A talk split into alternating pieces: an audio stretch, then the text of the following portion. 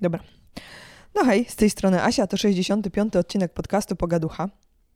Kiedy zaczęłam nagrywać tę zapowiedź, zdałam sobie sprawę, że ilość słuchaczy podcastu zdecydowanie przekracza ilość moich followersów na Instagramie, więc może nie wszyscy z Was wiedzą, na pewno nie wszyscy z Was wiedzą, że przeprowadziłam się do Holandii, stąd też wynika przerwa w nadawaniu tego podcastu. Pogaducha. Książki, filmy, seriale, popkultura. Ujemorche. Goedemorgen, Luke. Ze mną w studiu Łukasz, personalnie człowiek, który za mną jeździ po całym świecie. Przeprowadziłam się do Holandii, a on też tu jest. Może dlatego, że jest moim mężem, może psychopatycznym followersem. Kim jesteś, Łukaszu? Nie, trzymam poziom, zawsze trzymam poziom. O czym będziemy mówić? Będziemy mówić o Holandii i będziemy mówić wszystko, co nam przyjdzie do głowy. Taki jest e, zamysł tego odcinka. Ja sobie wydzieliłam takie Mhm. Tak, bo ja chciałem powiedzieć właśnie, że się zupełnie nie przygotowaliśmy, bo tym razem tego materiału mamy wrażenie, że jest bardzo dużo i więcej niż będziemy w stanie jakoś e, w jednym takim pogaduchowym, przerywnikowym wydaniu wam przekazać. Zdecydowanie tak, a też no, to nie jest podcast poświęcony e, Holandii, życiu w Holandii i wszystkim jego aspektom. Nie wiem od czego zacząć, więc zacznę od cytatu z e, dziadka Jasia. Aborcja, eutanazja i śluby z krzesłem. Dziadek tak przewiduje naszą przyszłość w Holandii. Z tym mu się Holandia kojarzy. No jakby można by było powiedzieć, że każdemu się kojarzy z tym, co tam jakoś ma autorowane, a mi się kojarzy z przyrodą, rowerami i wiatrakami. Jak jest naprawdę? Z tulipanami. Tak. O aborcji i eutanazji nie mamy za dużo do powiedzenia, bo nie mieliśmy jeszcze okazji testować, ale y, ślubów z krzesłem też żadnych nie widzieliśmy. Nie skosztowaliśmy żadnej z tych y, typowo holenderskich przyjemności. Tak, i zastanawiam się, czy to jest kwestia mojego poglądu, znaczy takiego, tego, że ja też. Y, ty mieszkałeś w Holandii przez jakiś czas? Chwilkę, tak. Będąc hipisem. Co ale, wywołało... ale ja mieszkałem w zupełnie innej części Holandii. Tak? To było chyba 40 minut stąd pociągiem. Mhm. No to nie masz pojęcia. Nie mam pojęcia, co tu się robi, bo w Holandii te dystanse są jednak y, troszeczkę inne i 10 km to jest naprawdę daleko. Tam już ludzie zwykle mówią w innym języku są, są zupełnie inni, niepodobni, prawdopodobnie e, ich krew e, nie ma tej samej barwy. Tak, trochę żartujemy, a trochę jest tak, że Holandia, chociaż e, może niektórym się wydawać bardzo małym krajem, w umysłach Holendrów jest olbrzymią przestrzenią, którą dzielą na tysiące dystryktów i mają zazwyczaj złe zdanie na temat tych innych pozostałych gmin, w których mieszkają wieśniacy. Za rzeką są wieśniacy. A tak. że rzek jest tutaj trochę, to. I wieśniaków sporo. I wieśniaków sporo, tak. I w każdym mówią po holendersku y, swoim. Znaczy, jeśli nabijaliście się kiedyś z Kaszubów albo Górali czy Ślązaków, to tutaj każda wieś, każde domostwo ma swój, swoje... Swoje czarne podniebie i można się z nich pośmiać. Mówi w swój y, sposób specyficzny dla swojego kawałka ziemi i są z tego dumni jak wkraczasz na ich teren, to powinieneś zacząć zaciągać w ten sam sposób, co jest trudne, bo holenderski w ogóle jest nie najłatwiejszym językiem do wymówienia, więc jeśli mamy jeszcze mówić dialektami, robi się y, sytuacja dosyć skomplikowana, ale zacznijmy, zacznijmy od, od, od tego, o czym mówiłam, czyli że może dlatego, że tobie, bo tu mieszkałeś, więc mniej więcej wiedziałeś, jak Holandia wygląda. Swoją drogą, twój hipisowski rozdział biografii zrobił duże wrażenie na moich instagramowych followersach porządku. Tak i tak, miałeś swój moment sławy. E, Szkoda, że go przegapiłem i dopiero to się nie dowiedziałem. Tak bym się w nim pławił bardziej, ale no, no to trudno. Nie można mieć wszystkiego. Uważam, że na jedno gospodarstwo domowe tylko jedna osoba może chodzić e, pijana władzą i pijana sławą. sławą. Więc y, wzięłam twoją sławę na siebie. Udźwignęłam ją. Ja jestem lepsza w dźwiganiu sławy. Dziękuję. Proszę. Ja tymczasem jeździłam do Holandii przez ostatnie 8 lat dosyć regularnie, więc też z Holandią raczej jestem, byłam zaznajomiona. Stąd y, nie miałam takiego skojarzenia, które wiem, że dużo osób ma, bo do mnie pisze w ten sposób, że narkotyki, prostytucja i to jest po prostu wszystko, czym ten kraj się wyróżnia. I możemy zacząć od tego i po prostu miejmy to z głowy. Tak. W naszym miasteczku sprawdziłem w Wikipedii, Kilka lat temu zamknięto e, Red Light District i już nie mamy takich e, okien z paniami, które sprzedają usługi seksualne. Tak. Są I... za to w innych dużych miastach. Tak. I raczej nigdzie ostatnio podróżując, jeżdżąc na rowerze, jeżdżąc pociągiem, nie natknęliśmy się na prostytucję. Ani na Light Districty. Y, chyba tego trzeba raczej szukać. I tak naprawdę te narkotyki w Amsterdamie pewnie łatwiej znaleźć kogoś, kto sobie pali krak na chodniku, ale tutaj i przez tutaj mówię o pozostałe 95% powierzchni kraju, to raczej takie rzeczy nie występują. Tak, można kupić marihuanę w sklepach, w coffee shopach i też tam można ją spożywać i my aktualnie mieszkamy w centrum miasta, takim centrum, gdzie nie mają dostępu samochody i gdzie tylko się spaceruje i nie da się być bardziej w centrum, a w tym centrum mieszkamy na takiej uliczce, która jest troszeczkę z boku i która jest najbardziej takim coffee shopowym miejscem. I tak. to nie jest miejsce, w którym kiedykolwiek jakby widzisz ludzi pod wpływem jakichś narkotyków. Wiesz, że tam jest coffee shop i że tam ludzie palą marihuanę, po czym udają się do swoich domów.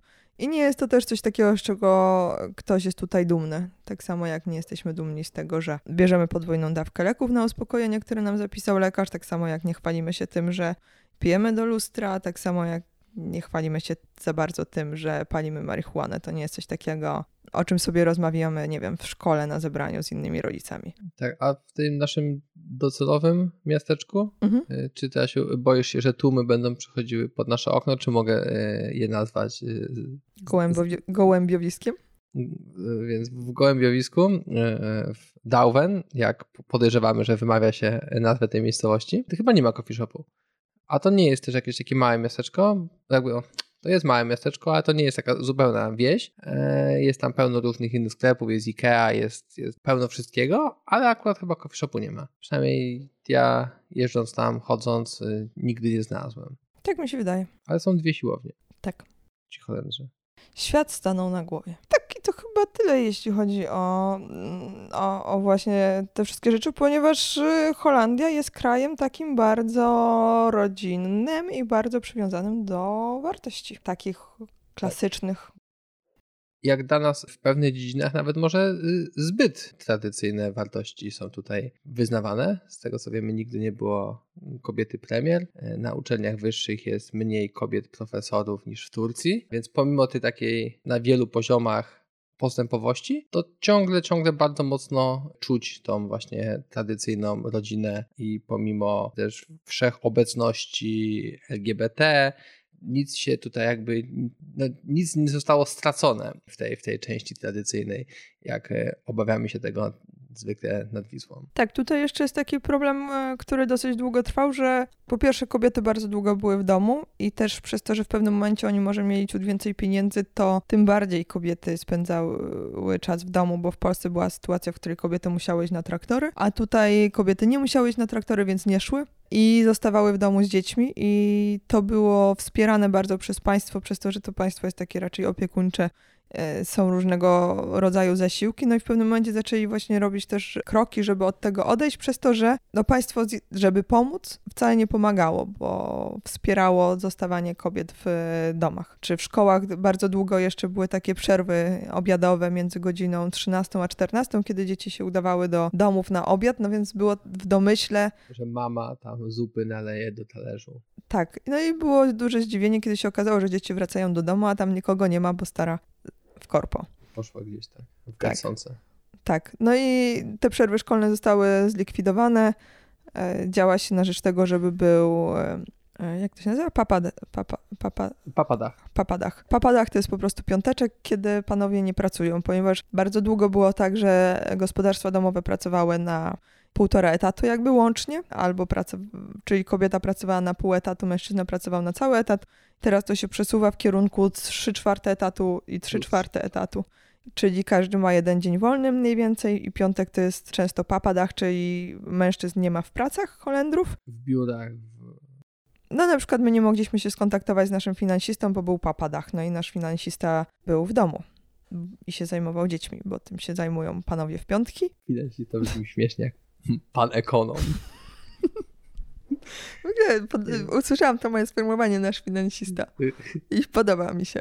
Nie wiem, Alwin. Doradca finansowy, ale, ale chyba też w tym, tym pośrednictwie nazwano go finansistą. Tak, tak, oni go tak nazwali, mi się to spodobało, trzymam się tego. Tak, nie, ja myślę, że powinniśmy właśnie pójść dalej, powinniśmy mówić pan ekonom. Pan ekonom. Pan ekonom. To co? Yy, aha, bo opowiadam ciągle o tej Holandii, yy, więc też yy, wielu ludziom wydaje się, że ta Holandia jest taka mało, że jest tutaj mało przyrody. jest to w dużej części prawda, bo każdy centymetr kwadratowy Holandii został zmieniony ręką człowieka. Jeżeli y, jako taką naturę chcemy, chcemy traktować tylko to, co jest takie naprawdę naturalne i nie było nigdy przekopane, zasiane, e, no, dotknięte ręką człowieka, to takich miejsc w Holandii praktycznie nie ma. Holandia cała jest w jakiś sposób kultywowana, tyle że kultywuje się bardzo dużo miejskich lasów, miejskich parków, łąk i praktycznie w każdym miejscu widzimy gdzieś tą zieleń, tą taką naturę w rozumieniu, e, że są roślinki i zwierzątka. Mm. Tak. No i praktycznie przy każdej rzece mamy krowy czy dzikie konie, a rzeki mamy wszędzie, więc jeśli chcemy na przykład wyjechać z centrum miasta do polskiego sklepu po drugiej stronie rzeki. Musimy się przywitać z krową. Tak, no bo nie mamy innej możliwości. Te krowy tam sobie po prostu y, żyją, nie mówiąc już o całych wielkich terenach poza centrum miast, gdzie każdy ma dom i przy tym domu ma jakąś ozdobną kurę, małą świnie. kozę, świnię miniaturową czy kucyka. I tak, to nie jest ich naturalne środowisko, bo to są wyselekcjonowane kury ozdobne. Bardzo których, ładne kury. Tak, ale cały czas są jakby przyrodą. Tak. Więc jeżeli komuś zależy na obcowaniu e, z zielenią, na piknikach na trawie, na chodzeniu po lesie, to te miejsca wszystkie, które wymieniłem, da się tutaj znaleźć i te wszystkie czynności i potrzeby zaspokoić. No i jeżeli ktoś chce zobaczyć taką prawdziwą naturę, to polecam Skandynawię, północną, pewnie Szkocję, jakąś bardzo północną Szkocję. No bo w sumie w całej reszcie Europy też w większości mamy te rzeczy mm, jakoś tam już e, dotknięte. Więc Holandia tutaj tak, jest na pewno e, bardziej przetworzona, e, ale jest przetworzona w takim kierunku, w którym e, człowiek obcuje z zielenią. Zastanawiam się, w którym kierunku pójść, bo ja mam jeszcze taki punkt na przykład tak jak szkoła, bo o szkole mam dosyć, myślę, dużo do powiedzenia, bo jest jednym z głównych powodów tej przybycia.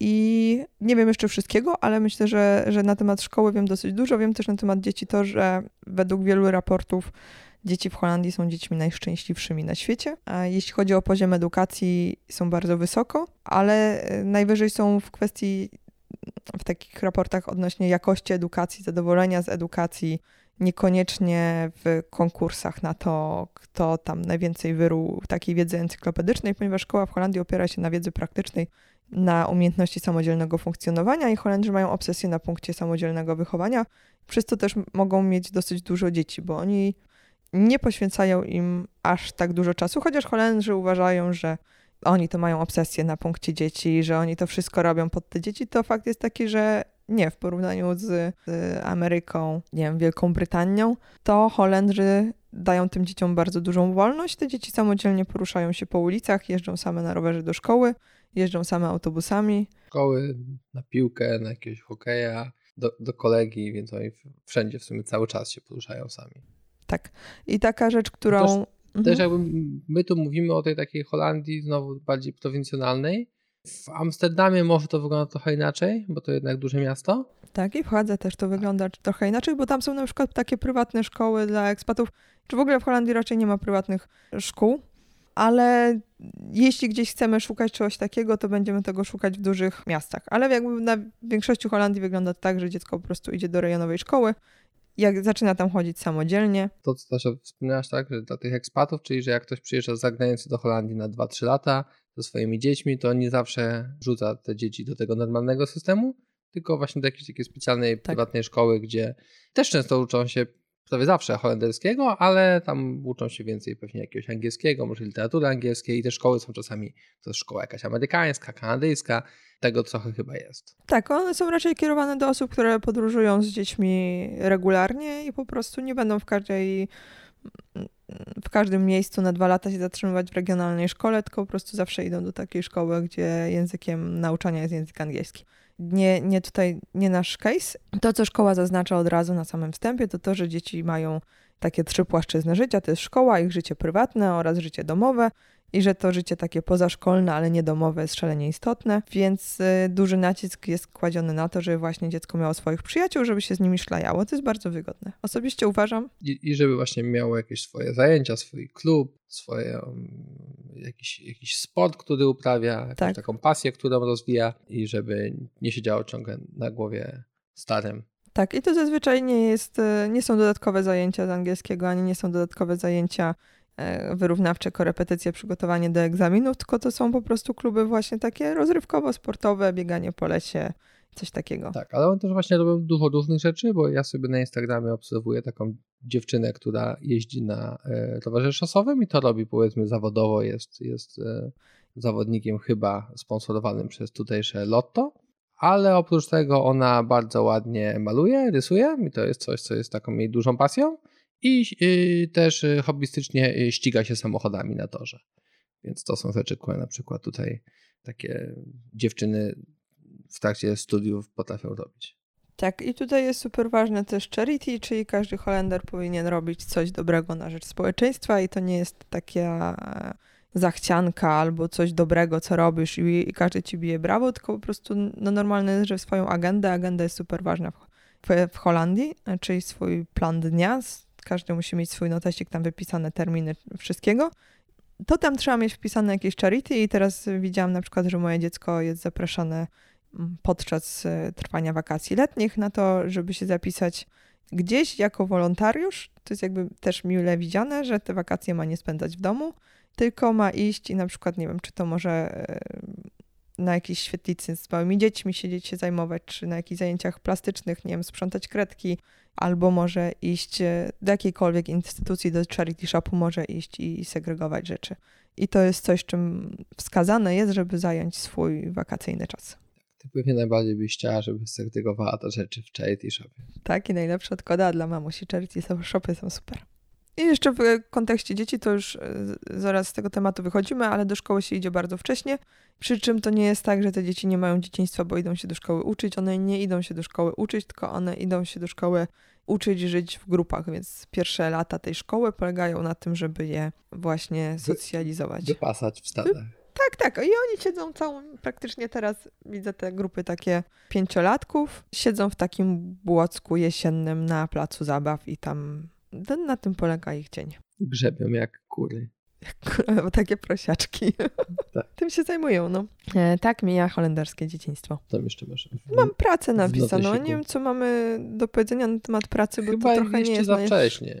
Case. Tak. Tak, tak samo ja myślałem o tym, żeby coś opowiedzieć o tym właśnie, w jaki sposób się ma interakcję z sąsiadami i może powiem tutaj małą rzecz, ale, ale jeszcze się nie wprowadziliśmy do naszego docelowego domu, hausie i będziemy, będziemy o tym mówić pewnie gdzieś tam później, bo będziemy wtedy więcej wiedzieli, może będziemy mieli jakieś wstydliwe historie do opowiedzenia, jak się to skompromitowaliśmy, ale tutaj możemy tylko tyle opowiedzieć, że siedzimy sobie właśnie w takim wynajmowanym mieszkaniem i po drugiej stronie takiego małego dziedzińca jest dwa kolejne takie mieszkania i tam w jednym z nich y, jest jakieś Airbnb, a w drugim mieszka pani Holenderka, która sobie tam mieszka na stałe. E, no i tak się mijaliśmy, mijaliśmy, a też na początku myślała, że jesteśmy takimi...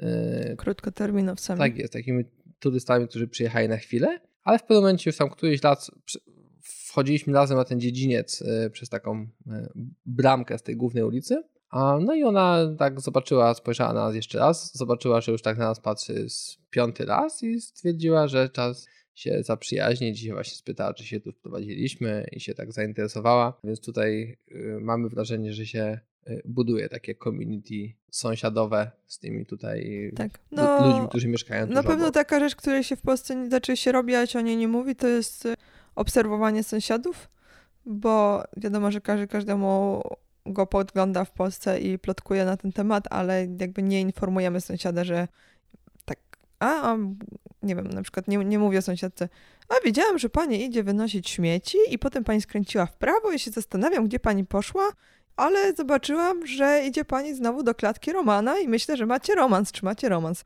Holender wam tak powie, no bo, yy, bo powie, bo Holendrzy po pierwsze... Mają do... większe okna, więc więcej widzą. Dokładnie. Po drugie, są, są bezpośredni. Tak. Po trzecie, nie mają takiego.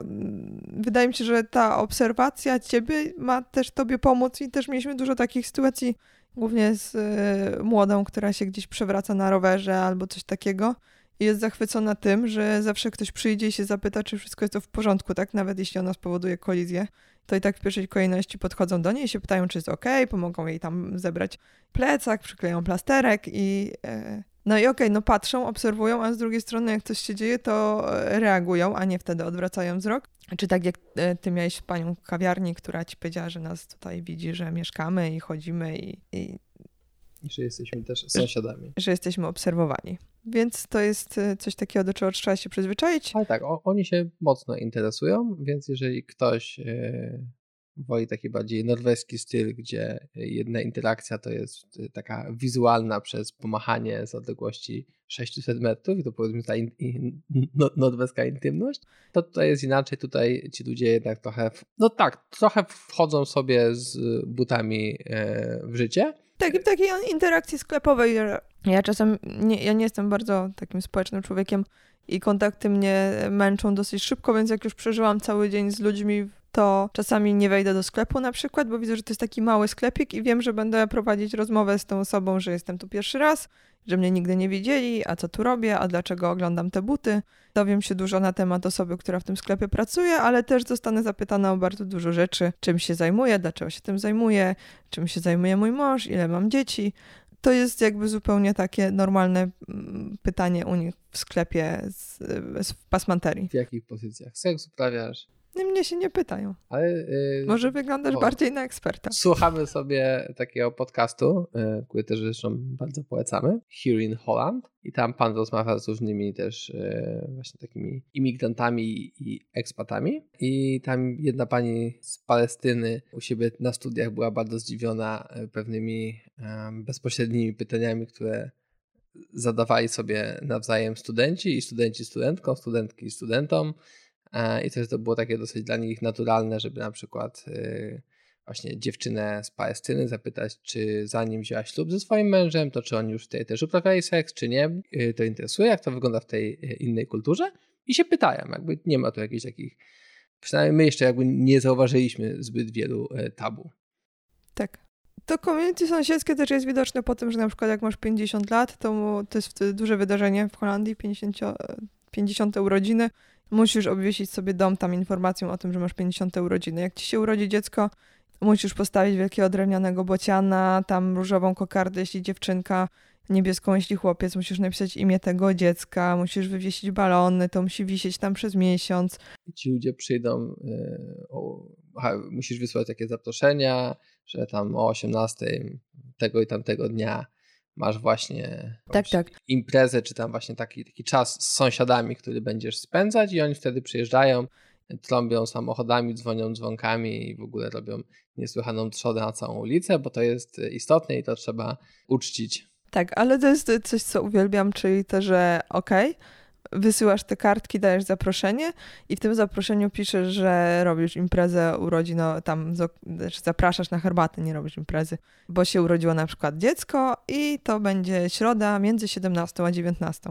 I to jest taka rzecz, której Polacy nie mogą często wytrzymać w Holandii, czyli agenda, ten ich plan dnia, to umawianie spotkań, coś, z czego strasznie szydzą i coś, co ja kocham najbardziej na świecie – Czyli to, że umawiasz się na godzinę, przychodzisz o tej godzinie i to w takich relacjach przyjacielskich czy rodzinnych też. I, i też zaznaczyłeś na początku właśnie na herbatę, a nie na imprezę, bo w Holandii jest tak, że jedzenie, takie nie wiem, swój obiad, swoje takie własne, osobiste żywienie raczej ogarniasz jakby samemu. No możesz się umówić z kimś, że idziecie gdzieś na obiad, możesz się umówić z kimś na obiad, ale w większości wypadków jeżeli ktoś was zaprasza, to ten gospodarz, on nie będzie zajmował się cateringiem. On was zaprasza, żebyście do niego przyszli, on wam da kawkę, da wam ciasteczko, jedno ciasteczko zwykle, nie wolny dostęp do ciasteczek, tylko tak, jedno ciasteczko dostaniecie do tej kawy i tak to mniej więcej wygląda, taka jest tutaj, nie wiem, tradycja, tak to jest przyjęte. Tak, ale nawet jeśli jest zaproszenie na grilla, no to, to często jest po prostu, masz ten swój kawałek karkówki na grilla tak. przygotowany może przez gospodarza. Jeden. Często musisz przynieść na przykład wtedy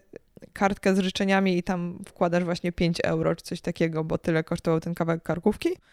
I to jest tyle, jeśli chodzi o. I to nie będzie tak, że tam się oberżesz do pożygu. Tak. Ra raczej to się nie wydarzy. I tak wyglądają też, nie wiem, wesela, z tego co wiemy. Jakby też nie są jakimiś wielkimi imprezami, na które zjeżdżają się setki ludzi, tylko to jest raczej taka, taki nie wiem, poczęstunek, y, właśnie nawet może nie poczęstunek, to takie spotkanie, gdzie, gdzie ci ludzie sobie składają życzenia, właśnie dają te kartki, niekoniecznie z y, pieniędzmi jakimiś dużymi, tak jak u nas tylko tak po prostu się spotykają. Nie jest to jakaś wielka rzecz. Tak, ale no to jest coś takiego, co ja bardzo lubię, bo ja też, chociaż akurat nasi znajomi są nauczeni tego w miarę, czy rodzina, że my jesteśmy zajęci, po prostu nas nie znajdą albo no nie będzie nas prawdopodobnie, jeśli się nie, nie umówią. Ale to, że umawiamy się nie jakoś mniej więcej w niedzielę, tylko umawiamy się, czy nawet właśnie z własną matką się umawiamy, że no to dobra, no to przyjedziesz do nas na herbatę w niedzielę o godzinie 15 do 16.30 jeżeli ktoś szuka y, takiego innego świata, w którym się przychodzi do siebie. Hiszpania jest super. Y, jeszcze podobno Ameryka Południowa, y, a jeśli chcecie bardzo wystawne, takie huczne weselicha, to Chiny podobno są teraz najlepsze. Tak. To jakby Holandia będzie wtedy złym kierunkiem. Dla mnie jest super. Jak mogę komuś podać godzinę, o której skończy się nasze spotkanie. Szukałam takiego świata. Więc tu jakby od razu ostrzegamy, i bądźcie ostrzeżeni. Z jakich ciekawostek jeszcze to yy, Holendrzy uchodzą za. Znaczy mówi się, że Holendrzy to Szkoci, którzy zostali wyrzuceni z kraju za skąpstwo. To tak się mówi, nie ma to większego sensu, bo Holendrzy nie są skąpi, tylko są yy, oszczędni. I Holendrzy po prostu wiedzą, co się dzieje z ich pieniędzmi. Holendrzy uwielbiają wszystkie takie karty rabatowe. Ja muszę mieć karty z każdego sklepu, nie wiem, z jakiegoś Albert Heida, żeby zbierać punkciki, bonusie kartę wszędzie są programy lojalnościowe, to możesz mieć wszystko w telefonie. I Holendrzy to lubią, bo lubią oszczędzać, są dumni z siebie. I na przykład ja tutaj korzystam z takiego, e, z takiej aplikacji To Go, to Go czasem. To jest aplikacja, która też działa w Polsce, bo zresztą stąd się dowiedziałam o jej istnieniu. Polega na tym, że sprawdzamy sobie knajpy, restauracje w okolicy i też sklepy. Możemy z tych miejsc e, odebrać rzeczy, które tego dnia nie zostały sprzedane, mają krótki termin ważności i tak dalej i one są w bardzo dobrej cenie, czyli na przykład biorę z, powiedzmy z Lidla za 5 euro, zakupy warte 15 euro, z tym, że będą one miały krótki termin ważności i to będą produkty raczej e, losowe. Więc kiedyś trafiliśmy w kołpie na takie wielkie paczki. Wielkie paczki, to była niesamowita okazja. No i e, jak tam są normalnie Holendrzy, wyglądający godnie i w dobrych ubraniach i po prostu są szczęśliwi, że im się udało tak zaoszczędzić i że tak nam się trafiło, że taka wielka paczka jedzenia i ho, ho brzuszki będziemy mieli pełne, a tu 5 euro. I co tam zbijaliśmy z tymi Holendrami piąteczki, tańczyliśmy taniec szczęścia i wymienialiśmy się numerami telefonów, bo to było takie społeczne wydarzenie, że wszyscy jesteśmy z tej aplikacji Too Good To Go i tak nam się udało i powinniśmy to celebrować wspólnie. Tak, więc Holendrzy lubią oszczędzać pieniądze, nie lubią ich wyrzucać ale z drugiej strony bardzo chętnie pomagają innym pieniędzmi, robią właśnie różne, zrzucają się na różne rzeczy, jeśli tego chcą, jeśli to jest konieczne i niezbędne. Nie lubią po prostu marnować pieniędzy, co wydaje się być całkiem logiczne. Myślę, czy jesteśmy w stanie coś powiedzieć takiego troszeczkę z drugiej strony, bardziej negatywnego, bo na razie tak wiesz, brzmi to jakby Ale jakiś. Holender stał z karabinem i, i nam celował w głowę, a my teraz tak opowiadamy, jak to jest wspaniale i jak nam się podoba. My mówimy bardzo dużo negatywnych rzeczy, tylko e, to są rzeczy, które bardzo lubimy. No nie, nie wszystkie te cechy, o których opowiadamy, są dla każdego ekscytujące i fantastyczne. To, co na pewno dla każdego powinno być ekscytujące i fantastyczne, to to, że w Holandii się jeździ faktycznie wszędzie rowerem, do szkoły rowerem, do pracy rowerem i wszędzie są ścieżki rowerowe i bardzo często dostęp, jazda samochodem jest po prostu szalenie tak, trudna. Jeżeli ktoś znowu lubi jeździć samochodem, to pomimo tego, że jest tu mnóstwo autostrad, pomimo tego, że pewne rzeczy są bardzo fajnie, wydawałoby się zorganizowane, e, przez tą gigantyczną masę ludzi w jednym miejscu, bo tutaj na powierzchni, nie wiem, z trzech polskich województw mamy praktycznie połowę polskiej populacji, no, na tych drogach jest ciasno, na tych drogach y, ciężko przejechać i też jeżeli mamy duże samochody albo samochody z silnikami diesla, płacimy olbrzymie podatki, bo jest taki podatek drogowy, który się płaci kwartalnie za samochody, to jest drogie. Tak. Dlatego my teraz y, musimy mieć samochód, bo musimy, ale to będzie up, bo po prostu. Taki mały samochodzik poniżej tony, bo ten płatek się płaci właśnie od wagi samochodu i od pojemności. On ma tam nie, litrowy silnik, waży mniej niż tonę, więc powinniśmy nie zmieścić się pewnie w 80 euro kwartalnie, a tak. już za Golfa płaci się 130 do takiego Golfa właśnie w benzynie i tak małym silnikiem. Za, patrzyłem chyba jakieś Audi A4 w dieslu 1.9 TDI płaci chyba z 300 czy 350 euro mm, kwartalnie. Tak. I to jest taki zbędny wydatek zupełnie, bo tym samochodem jeździ się tak nieprzy, nieprzyjemnie, że nie chcesz nim jechać, a rowerem się jedzie super przyjemnie. Moje pierwsze doświadczenie takie duże z holenderskimi ścieżkami rowerowymi miało miejsce, kiedy przyleciałam samolotem z rowerem do Eindhoven na lotnisko i miałam 100 km do, do celowego miejsca i po prostu wsiadłam na szosę i jechałam. I nie robiłam wcześniej żadnego researchu na temat ścieżek rowerowych, którędy mam jechać, którędy będzie najbezpieczniej. Po prostu włączyłam sobie GPS-a, ustawiałam, że jadę rowerem i całą drogę jechałam ścieżkami rowerowymi. To jest przyjemne. Tak, jeszcze a propos rowerów, jeżeli nudzi Was jeżdżenie po płaskim, to Holandia nie powinna zostać od razu przez Was skreślona, bo są takie miejsca właśnie jak nasza okolica, gdzie tak zupełnie płasko nie jest, y, więc nasza okolica jest taka trochę górzysta, da się tutaj znaleźć całkiem fajne y, miejsca na podjazdy. No, nasza okolica to jest tam Arnhem, tak. Y, Nijmegen, Gelderland. Taki temat, który jeszcze jest istotny, to są Holendrzy. W tych kontaktach też mówiliśmy o tym, że oni są bezpośredni. Ja mam takie moje własne przemyślenia na temat tego, o czym wiele osób mówi. Znaczy to, jak rozmawiamy z Polakami czy z jakimiś przyjaznymi osobami, oni często mówią, że Holendrzy są tacy troszeczkę niedostępni, trudno się z nimi zaprzyjaźnić.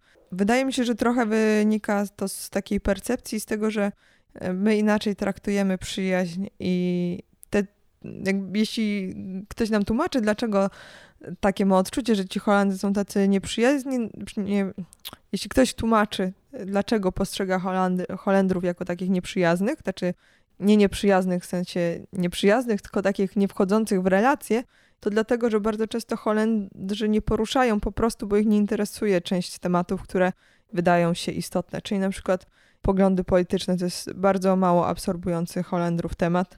Tu nie ma takich też sensacji tabloidowych, nie ma takiego straszenia ludzi, nie ma jakichś takich afer. Ale, ale mi się też wydaje, że jeżeli nie jest się takim hiperspołecznym, to jak pojedziesz do jakiegokolwiek nowego miejsca, nie jest tak łatwo znaleźć bliskich przyjaciół, bo oni zwykle mają już swoich bliskich przyjaciół, ich kalendarz jest zajęty. Mi ciężko sobie wyobrazić, że to, tak sobie ostatnio mieszkałem w Polsce, że nagle pojawi się, nie wiem, jedna, dwie, trzy osoby, z którymi miałbym jeszcze wejść w jakąś bliską przyjacielską y, relację i znaleźć na to czas i tak, no. z nimi do rana o głębokich mm, filozoficznych. Więc no. Tak, no też robiliśmy takie szybkie liczenie przyjaciół. Szybkie, bo to nie jest jakieś takie długie liczenie, bo nie ma właśnie tej przestrzeni w życiu i tych przyjaciół przez całe życie się tam zbiera pewna mała ilość czy jakichś takich bliskich znajomych i ciężko oczekiwać, że nagle po krótkim czasie znajdziemy takich ludzi, którzy będą super do nas pasować. Oczywiście są tacy ludzie, którzy właśnie, jak mówię, są hiperspołeczni i, I oni wszędzie to... znajdują pełno znajomych. Tak, mhm. i oni to ogarniają w ten sposób, że gdziekolwiek się nie ruszą, to, to mają tam, e, no my tacy akurat nie jesteśmy e, i mamy wrażenie, że jakby no duża część ludzi taka nie jest i dlatego jak przyjeżdżają do nowego miejsca, którym może być Holandia, to wydaje mi się to znalezienie e, takiego nowego społecznego środowiska e, trudne. No i pewnie jest trudne, ale nie ze względu na to, że to akurat Holandia. No, ale też mi się wydaje, że na przykład y, jeśli ktoś mówi, a niby jesteśmy takimi przyjaciółmi, a nie zaprosił mnie na ślub, nie? W Polsce to jest istotne, żeby zaprosić na ślub i z jakiegoś powodu zapraszamy wszystkich, nawet ludzi, których w ogóle, nie wiem, ja, ja byłam na ślubach praktycznie tylko ludzi, których w ogóle słabo znam lub wcale, slash są daleką rodziną, slash nie mam pojęcia z jakiegoś powodu powinnam tam być. W Holandii ślub jest y, pewnym administracyjnym wyrząd...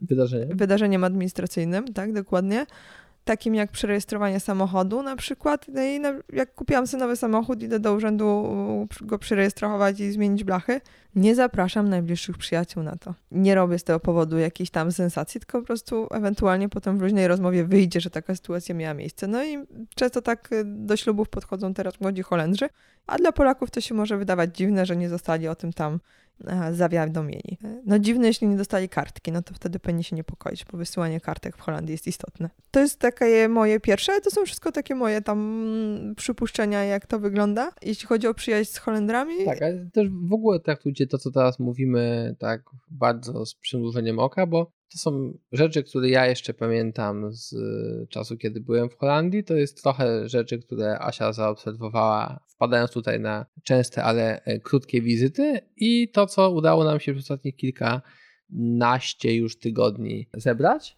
No, plus dużo jakichś takich mojego siedzenia w internecie, czytania opinii Tak. plus książek. Tak, słuchania blogu, więc, Eee, więc Tak, to jeszcze nie jest tak, że e, doświadczyliśmy tego wszystkiego albo że naprawdę zgłębiliśmy ten temat, ale próbujemy się w tym ogarnąć i, i to jest state of knowledge e, na Ja- tą chwilę, jakby to jest, to jest to, co udało nam się jakoś tam. tak, ale dlaczego y, mówię o tych Holendrach, bo ja chcę zamknąć ten temat przyjaźni z Holendrami, bo czy to się da, czy to się nie da, to się dowiemy wkrótce. Na pewno komunikacyjnie nie ma z nimi problemu, bo oni wszyscy perfekcyjnie mówią po, języ- po angielsku, bo oglądają telewizję zawsze po angielsku, uczą się angielskiego w szkole, więc z ang- po angielsku można rozmawiać z każdym zawsze.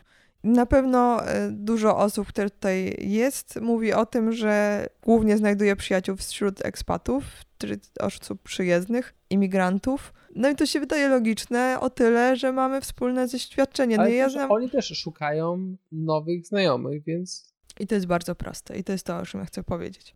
Bo ja poznałam już dosyć dużo osób, odkąd tutaj jestem i to są ludzie, którzy są też e, właśnie na wyjeździe. doprawdy. No nie było cię przez pewien czas. Robimy to w sposób taki. Jeśli chodzi o moje poszukiwania, to poznałam dosyć dużo też poszukiwania. To są takie poszukiwania mimochodem, przy okazji których znajdujemy. To jest tak, nie że idziemy na grzyby, tylko po prostu spacerujemy lasem. O, podgrzybek. Bo możemy do tego używać Instagrama. Instagram jest super. Czy ty właśnie użyłaś grzybiarskiej metafory? Czy ty nigdy w życiu nie byłaś na grzybach? Ja wiem, ale cały Instagram jest zalany zdjęciami grzybów. Mam na grzybach. No, ty, ty też zrobiłaś zdjęcia, ale muchomorów. Tak, nie, nie, Łukasz, wróćmy. Bo jestem bardzo zadowolona z mojej grzybiarskiej metafory. I teraz tak, możemy używać tych hashtagów y, na Instagramie, na przykład hot Polish girl looking for friends. Możecie tak próbować. Możecie też używać po prostu jakichś tam hashtagów, nie wiem, bardziej przyjacielskich, czy takich. Tak, generalnie używanie polskich hashtagów, na przykład z tagowaniem miejsca, używanie w różnych krajach różnych hashtagów związanych z tym krajem w połączeniu z jakimś tam końcówką .pl, to pozwala znaleźć Polaków, którzy też są w tym samym miejscu. E, Przy czym to jest taka pułapka, w którą starałam się nie wpaść, ponieważ moim zdaniem to jest, e, znaczy jest to jedna droga, tak, że po prostu jedziemy do jakiegoś kraju i poznajemy Polaków, trzymamy się w tym polskim świecie e, i tworzymy sobie małą Polskę. Ja by spędziłam w Polsce z Polakami 30 lat, uważam, że to jest wystarczająco. I to nie jest tak, że zupełnie się zamykam na poznawanie Polaków i też poznałam właśnie fajne dziewczyny z różnych miejsc, niekoniecznie z Holandii, które gdzieś tam mają podobne doświadczenia przeprowadzkowe. Ale to nie jest tak, że ja poszukuję tych Polaków i staram się unikać tych miejsc właśnie takich polako-skupisk, bo chciałabym poznać innych ludzi z innych krajów i to mi się daje fajną okazją i wydaje mi się, że e, szkoda się trochę zamknąć w tym takim e, polskim pudełku. Tak, to jest jedna rzecz. Po drugie, Holandia ma bardzo rozbudowany system właśnie, ponieważ jest dużo osób przyjezdnych. Więc e, jest na przykład aplikacja, którą sobie pobrałam, gdzie są spotkania różnotematyczne, czyli na przykład wspólne gotowanie, wspólne rozmawianie po holendersku, wspólne spacery po lesie, wspólne jeżdżenie na rowerze dla różnych miejscowości. Tam po prostu zapisujesz się do grup, które cię interesują, czy high-tech, czy co tam jeszcze, Łukaszu, było. Rowery. Tak, więc są takie narzędzia i specjalne miejsca, aplikacje do tego, żeby właśnie poznać ludzi, którzy też są samotni i ci ludzie są super otwarci na znajomości, no bo są w dokładnie takiej sytuacji, że- gdzieś tam przyjechali i niespecjalnie kogoś znają. Są też różne grupy na Facebooku, więc to super e, się sprawdza. I znalezienie właśnie znajomych wydaje się być zupełnie bezproblemowe. Co? Mm, nie wiem, czy masz jeszcze jakiś pomysł. O, jest taki Tinder dla rowerów. Znaczy taki Rowerzystów. rowerzystów, że mm, Holendrzy teraz y, wpadli w szał jazdy na szosach i jeżdżą takimi całymi ławicami. To Holendrzy w różnym wieku, tacy starsi, młodsi i głównie starsi. E, W niedzielę właśnie zamiast do kościoła to idą na szosę i sobie tam jeżdżą przez trzy godziny. I to nie są profesjonaliści zdecydowanie. I są takie aplikacje też, gdzie możesz znaleźć swoją ławicę, z którą będziesz co e, weekend płynął wzdłuż kanału. Więc opcji jest dużo. Tak, i mi się wydaje, że w ogóle to jest dużo takich społecznych rzeczy, też jak jest się trochę starszym, a w sumie niekoniecznie starszym, ale widzieliśmy takich trochę emerytowanych Holendrów, ale też trochę wymieszanych z jakimiś imigrantami, którzy siedzieli e, w takim klubie plastycznym. Malowali sobie wszyscy razem, mieli jakiś jeden wspólny temat obrazu i każdy malował go na swój sposób. Był tam jakiś instruktor, który e, podpowiadał im, jeśli chodzi o technologię malowania, e, jak tam tymi farbkami, pędzelkami, jak to wszystko robić. Tak, jakieś grupy muzyczne. Ostatnio widziałam taką emerytkę, która dźwigała kontrabas na plecach, który był chyba cztery razy od niej większy i wprowadzała się z nim do hotelu. I te grupy są popularniejsze wśród emerytów, bo emeryci po prostu mają więcej czasu. Tak. I holenderscy emeryci to robią. Tak, i w bibliotekach zawsze coś się dzieje. E, w zwykłych księgarniach, e, jak tylko tu przyjechaliśmy jakieś parę miesięcy temu, to widzieliśmy spotkanie właśnie podcastowe, gdzie tak, podcast uczyli jak, jest mocny. Jak, jak zrobić swój podcast. Tak. I ci emeryci mają czas, bo poniedziałek to jest Omadej, czyli Dzień Babci i wtedy babcie się zajmują dziećmi i jeśli babcia pracuje, to znaczy babcie się zajmują wnukami, więc jeśli babcia jeszcze pracuje, to po prostu często ma poniedziałki wolne w pracy i to jest takie zupełnie naturalne, że ci się rodzi tam wnuk, to bierzesz sobie wolne poniedziałki, bo też na emeryturę nie idziesz tak od razu, tylko właśnie sobie tam bierzesz trochę wolnego i na przykład bardzo długo pracujesz tak. na pół etatu. I tak, a, po, a, a jak już jesteś na emeryturze, no to robisz ten poniedziałek o Day i potem już masz czas dla siebie, bo to też nie jest tak, że ktoś tam poświęca potem życie wnukom. Tak, a jeszcze oprócz właśnie tych klubów, oprócz e, ekspatów i imigrantów, to nam się też wydaje, że w Holandii jest wystarczająco dużo wariatów, z którymi można się e, zaprzyjaźnić i na przykład znamy jedną panią, która ma e, bibliotekę ubrań i Ona jest taką jest wariatką, ale taką pasjonatką, szaleńcem. less waste'owo-ekologicznym. Mamy tak. takiego pana, który ma swoje własne muzeum rowerów górskich, które otworzył kilka lat temu, ale wymyślił je jak miał, nie wiem, 20 parę lat i kupował jakieś e, używane rowery miejskie, które z 10 zepsutych składał 6 sprawnych i w ten sposób gdzieś tam sobie zarabiał jakieś dodatkowe pieniądze. I on sobie pomyślał, że kiedyś mogą przyjść takie czasy, kiedy te rowery górskie, które w tej chwili, to były tam jakieś nie, lata, początek 90., końcówka 80., są takie drogie, fajne i błyszczące, to one też będą w takich górach rowerów leżały i on chciałby jak najwięcej z nich uchronić od tej e, strasznej przyszłości i on będzie je kupował, zbierał. W tej chwili ma około 700 e, rowerów i w żadnym wypadku to nie jest koniec jego kolekcji. Właśnie kilka temu udało mu się zorganizować miejsce, w którym może wystawiać tą swoją kolekcję i teraz od jakiegoś czasu raczej własnymi siłami buduje taką galerię rowerów. Tak, i on tam zawsze zaprasza na kawę, i on jest takim ośrodkiem skupiającym na pewno wiele interesujących osób. Bo on też organizuje właśnie wyjazdy na tych rowerach, on organizuje chyba jakieś y, takie bardziej techniczne spotkania, gdzie ci ludzie nie sobie siadają z tymi towarami, coś robią. Tak, i on też ma miejsce, w którym na przykład właśnie y, po takiej górskiej wycieczce y, rowerowej możesz po prostu wziąć prysznic i możesz tam sobie za darmo wziąć prysznic, ubrać się w garnitur i wrócić do pracy, więc um, takie rzeczy ludzie robią bo mają jakąś taką zajawkę, więc wystarczy złapać kilka takich osób. Tak, ale mam wrażenie, że jest ich dużo, bo obok jakiejś kawiarni wpadliśmy na pana, który akurat też, jak się okazało, miał matkę Polkę i ten pan też nam zaczął opowiadać o różnych imprezach, które są w mieście i u nich w tej kawiarni.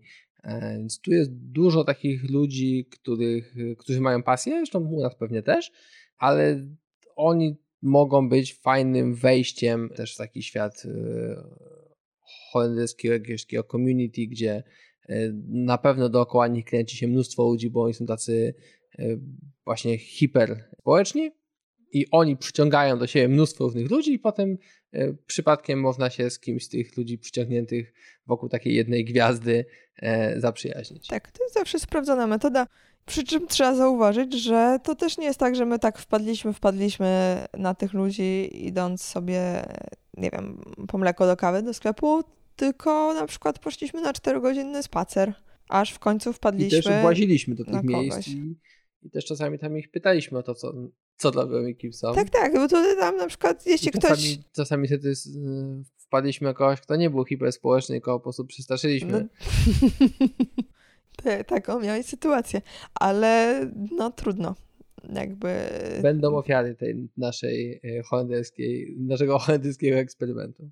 Biorąc pod uwagę, że Holendrzy są bezpośredni i otwarci i zadają ci dużo pytań, no to jakby wzięliśmy tę tę samą broń i sobie wchodzimy gdzieś, jeśli ktoś prowadzi jakieś miejsce się pytamy, co robi, a dlaczego robi, a po co robi. No i jeśli ten ktoś nie ma ochoty dyskutować, bo nie jest szaleńcem, który chce się przyjaźnić z każdym, no to mówi, że to w sumie to nic szczególnego i idźcie gdzie indziej. A jeśli ktoś ma jakąś zajawkę i chce się nią dzielić, to no to potem my już nie możemy tego miejsca opuścić, bo ktoś na przykład mówi przez 4 godziny. Tak się zdarza. Tak się zdarza. Bywa i tak. Wydaje mi się, że to tyle, jeśli chodzi o to, co mamy do powiedzenia. Tak, jakby teraz trochę poruszaliśmy e, Różne tematy. różne tematy, zobaczymy co nam zostało i wtedy kolejne jakieś takie Wtrącenie. za, za parę tygodni wrzucimy. Mnie już- fascynuje już szkoła, ale to chciałabym może nagrać jakiś odcinek taki z kimś, nie wiem, tutaj, kto ma coś wspólnego ze szkołą. Bo szkoła jest super. Jeśli mi się tak holenderska szkoła podoba, że o mój Boże. Jest concierge. Ale Woźny. opowiem wam o tym innym razem. E, no dobra. E, jeśli chodzi o pogaduchę, jeśli ktoś e, się martwi, to tak, tu mam e, odcinki z gośćmi nagrane dwa, będą puszczane z przerywnikiem. E, będę nagrywać więcej, przy czym no, mam problemy tego typu, że e, jestem w Holandii i żeby nagrywać przez internet, no to ta osoba, z którą rozmawiam, musi mieć dobry mikrofon, musi to umieć sobie wszystko podpiąć, a ludzie, którzy mnie interesują, nie zawsze mają mikrofony, ludzie, którzy mają mikrofony, nie zawsze mnie interesują. Znaczy to jest tak, e, że ja wychodzę z założenia, że często ludzie, no, którzy mają właśnie sprzęt do nagrywania i tak dalej, to są ludzie, którzy już coś swojego tworzą, często się dzielili swoją historią. Nie mówię, że są coś z nimi nie tak. Mówię po prostu, że często mają historie, które już są znane, które już były gdzieś, no bo to jest najprostsze. E, A to nie zawsze jest to, co mnie interesuje, bo ja lubię sobie wyszperać człowieka e, i wam pokazać kogoś, kogo jeszcze nie widzieliście, a nie kogoś, kogo widzieliście wszędzie, bo na przykład, nie wiem, ma super popularny kanał na YouTubie Albo jest prezydentem. Albo jest prezydentem I komikiem. i komikiem w jednym. Zazdrość. E, też bym tak chciała. Y, To. Y, duch! Nie, jeszcze nie, nie skończyłam mówić. Z drugie, bo chcę powiedzieć o tym, że planuję też wprowadzić cykl emigranci. Taki jak kim zostanę, jak dorosnę, jak przecinek przerywnik i raz na jakiś czas pokazać wam jakiegoś super emigranta. Już-. Jak, jak wyemigruje. Kim zostanę, jak wyemigruję, dokładnie. I kilka osób mam już na oku, fajnych, interesujących.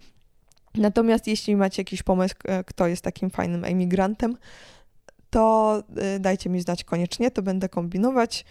Jak się już osiedlę na stałe w domu moim prywatnym, a nie wynajmowanym czymś, to będzie mi też łatwiej zacząć, myślę, gdzieś tutaj e, się organizować z tym wszystkim.